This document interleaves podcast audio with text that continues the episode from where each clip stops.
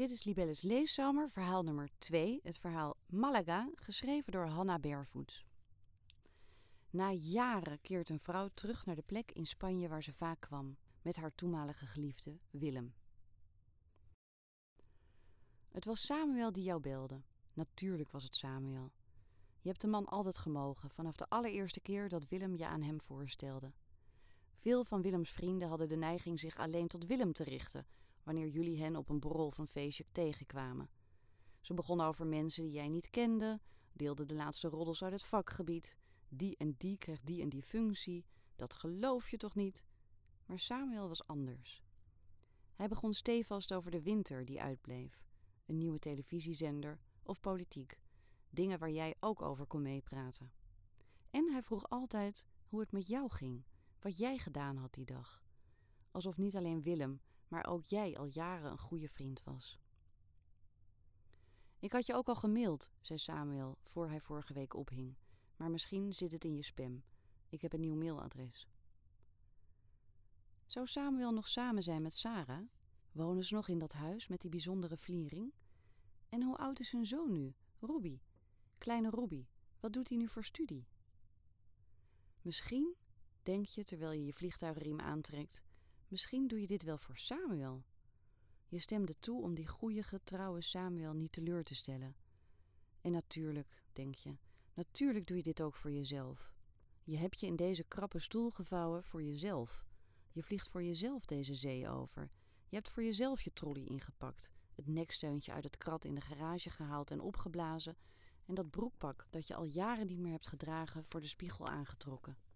Het kon, het kon nog gewoon. Hij rook alleen wat muf, het broekpak. Maar nu zit het gewassen en gestreken in een gelabeld stuk bagage in de buik van het vliegtuig. Je kijkt er naar uit het morgen aan te trekken. Zou restaurant Visjes er nog zitten? En die kapper waar je soms je haar liet knippen? Oh, en de ijssalon. Die tent aan het einde van de boulevard, zou die vandaag open zijn, zo buiten het hoogseizoen? Je verlangt plotseling hartstochtelijk naar het Malaga-ijs dat ze daar draaiden. Rum Raisin, zo noemen de grote ijsmerken Malaga. Maar dat supermarktijs smaakt totaal anders dan de Malaga die je hier haalt. Dat supermarktijs is vet en dik, alsof er pindakaas doorheen zit. Je loopt het strand op. Eerst een flink stuk over het zand, gewoon rechtdoor, en dan daar die trap op. Zo kom je vanzelf uit bij de boulevard, bij Visjes, de kapper en de ijssalon. Jij nam altijd twee bolletjes, Malaga en nog iets anders. Banaan of mango of zo zei het vooral voor de vorm. Iets zei je destijds dat het zonde was om twee bolletjes in dezelfde smaak te bestellen. Laf, of toch tenminste weinig ondernemend. Maar het bananen- of bosbessenijs viel stevast tegen.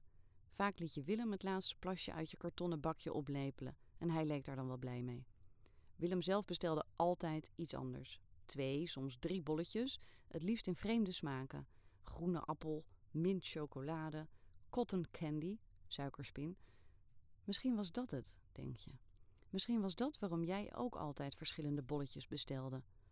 Wie durft er, naast zoveel vastberaden avontuurlijkheid, nog uitsluitend Malaga aan te wijzen? Je trekt je sandalen uit. Het is nog vroeg, de lucht is grijs en het zand vochtig. Je wilt niet dat je schoenen vies worden. Kan het de mensen vanavond iets schelen of je schoenen vies zijn? Kan het Samuel iets schelen? Kan het Raya iets schelen? Zal Willem je schoenen überhaupt opmerken? Dat doet er niet toe natuurlijk, maar jij komt gewoon graag netjes voor de dag.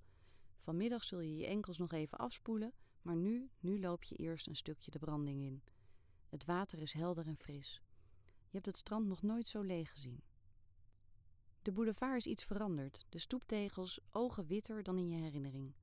Misschien zijn ze vervangen of schoongespoten. Je hurkt, strijkt met een wijsvinger over de tegel onder je. Beton, of wat is het, graniet?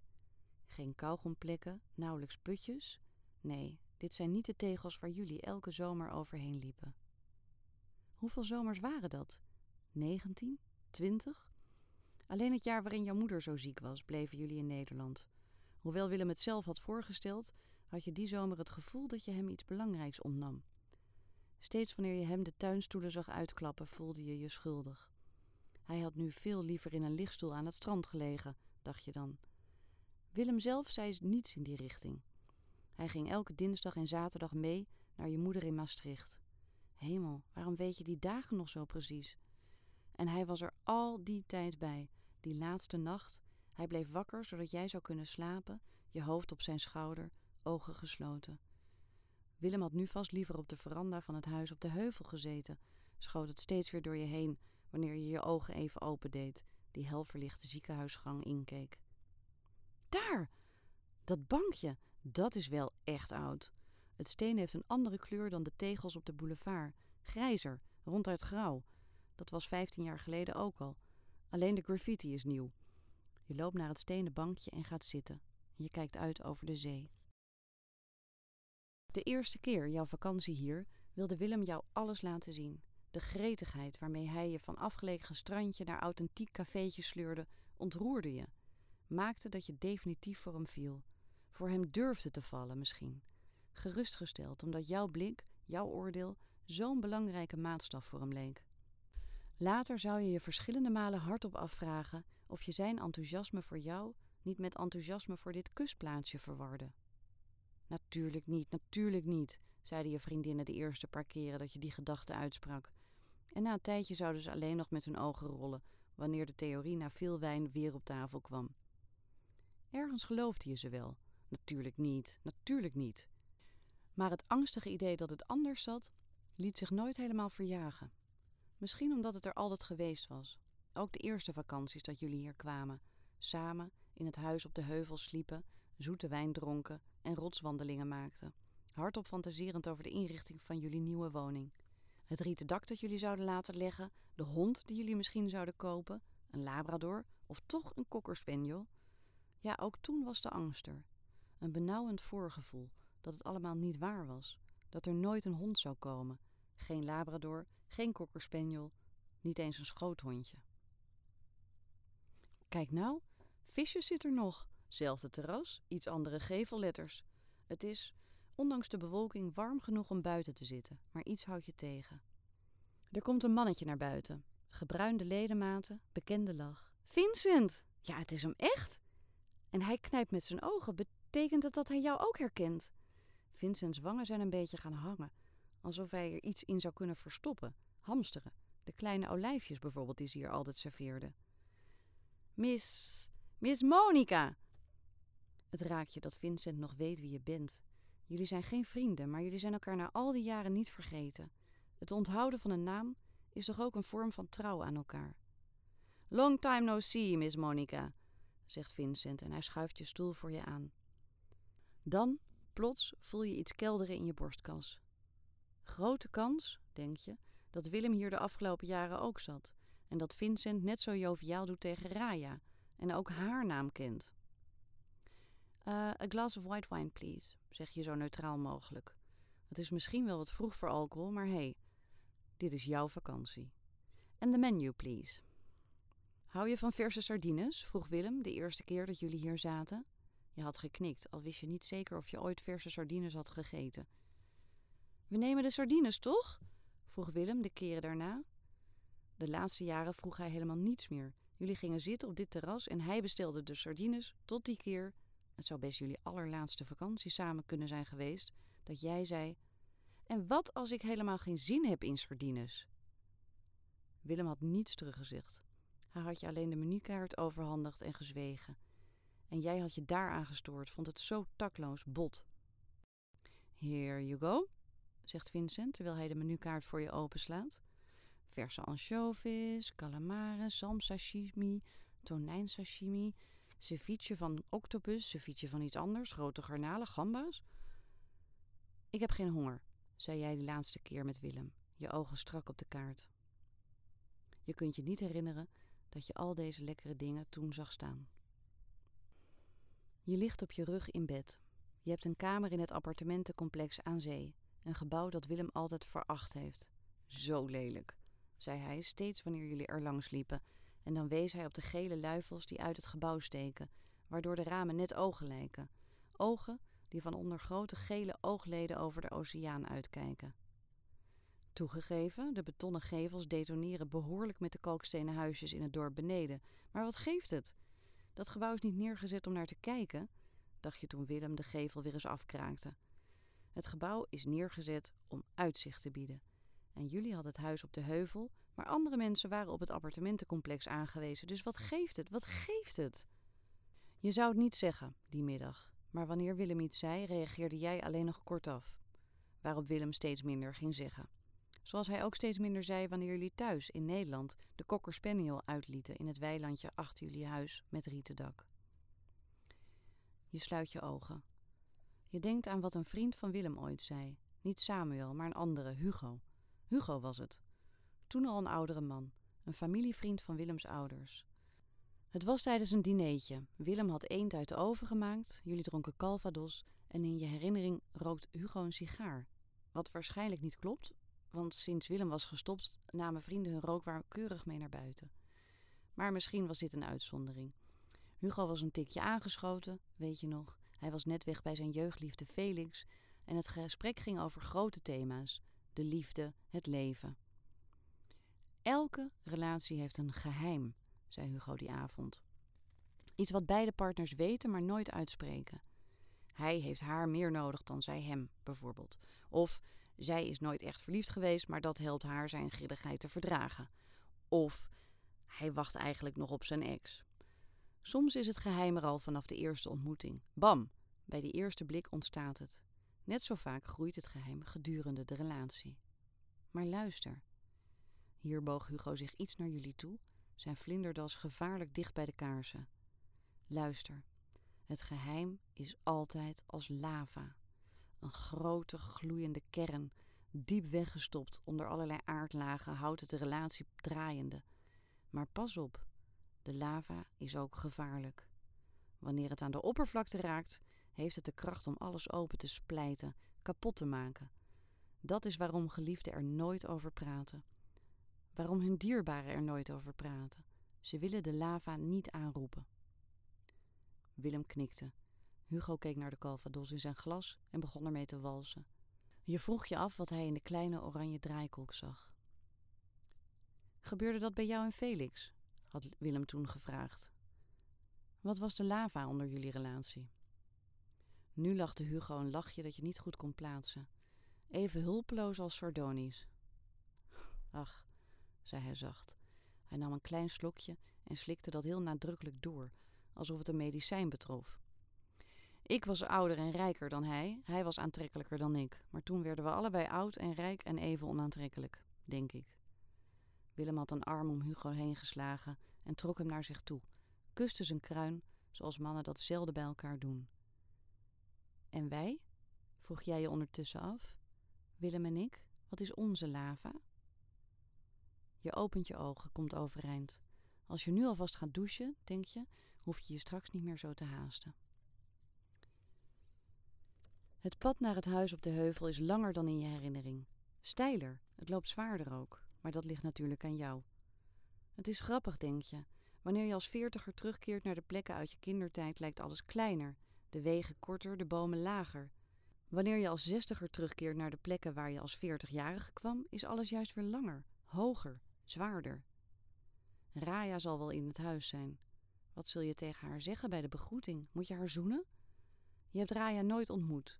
Maar wanneer je de afgelopen jaren over Willem en dus over haar praatte, dan spuugde je de lettergrepen van haar naam uit, alsof het bittere pitjes van een druifje waren. Raya.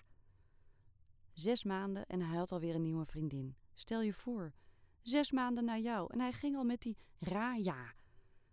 De naam ging al snel symbool staan voor zijn schofterigheid. Maar over haar wist je niets. Je hebt haar één keer gegoogeld en ontdekte toen dat ze op de maand af precies even oud is als jij.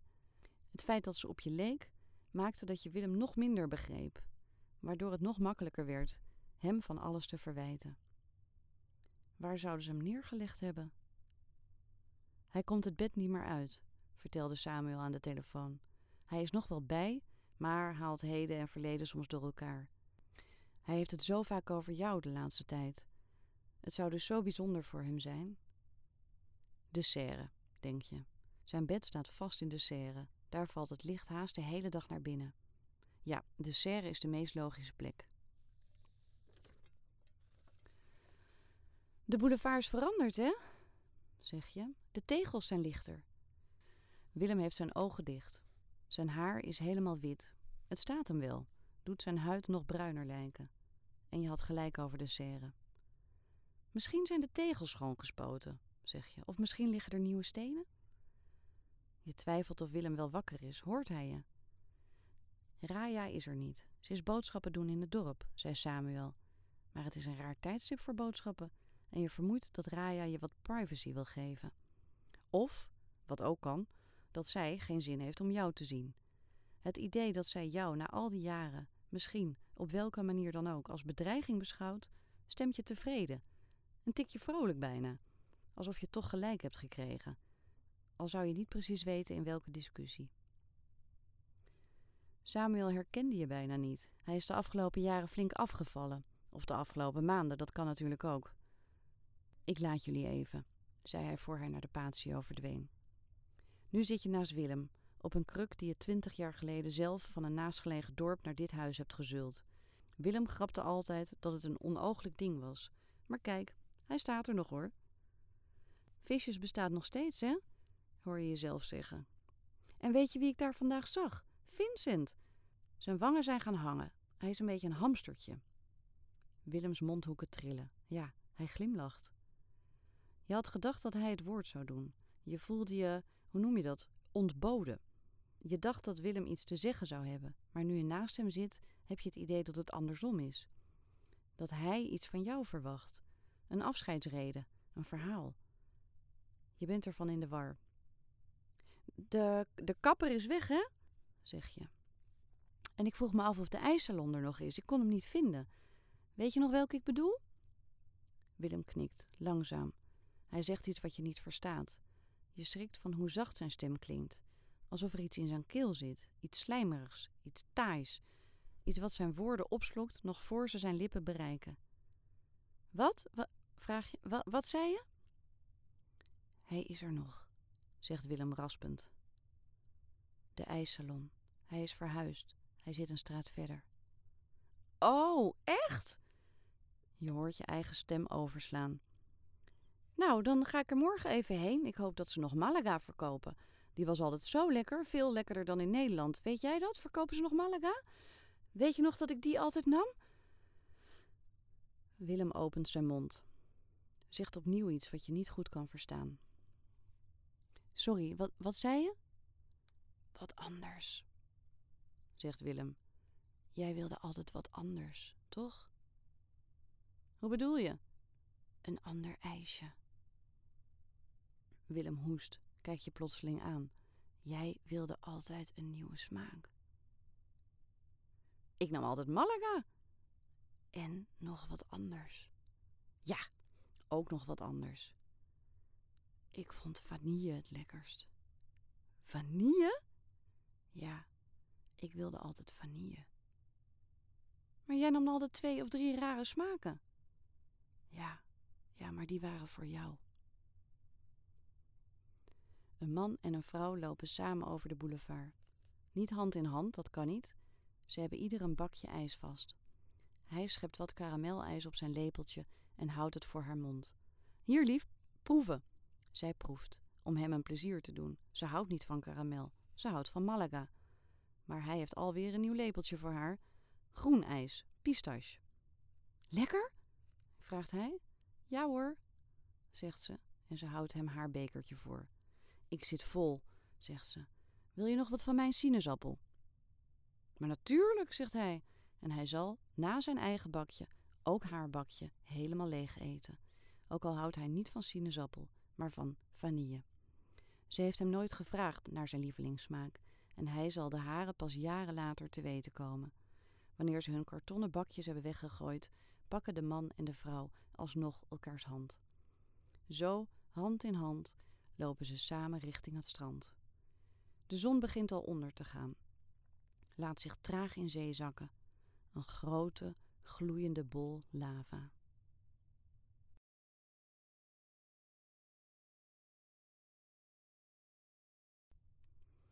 Hanna Bervoets, geboren in Amsterdam in 1984, is schrijfster, journalist en columnist. In 2009 debuteerde ze met Of Hoe Waarom.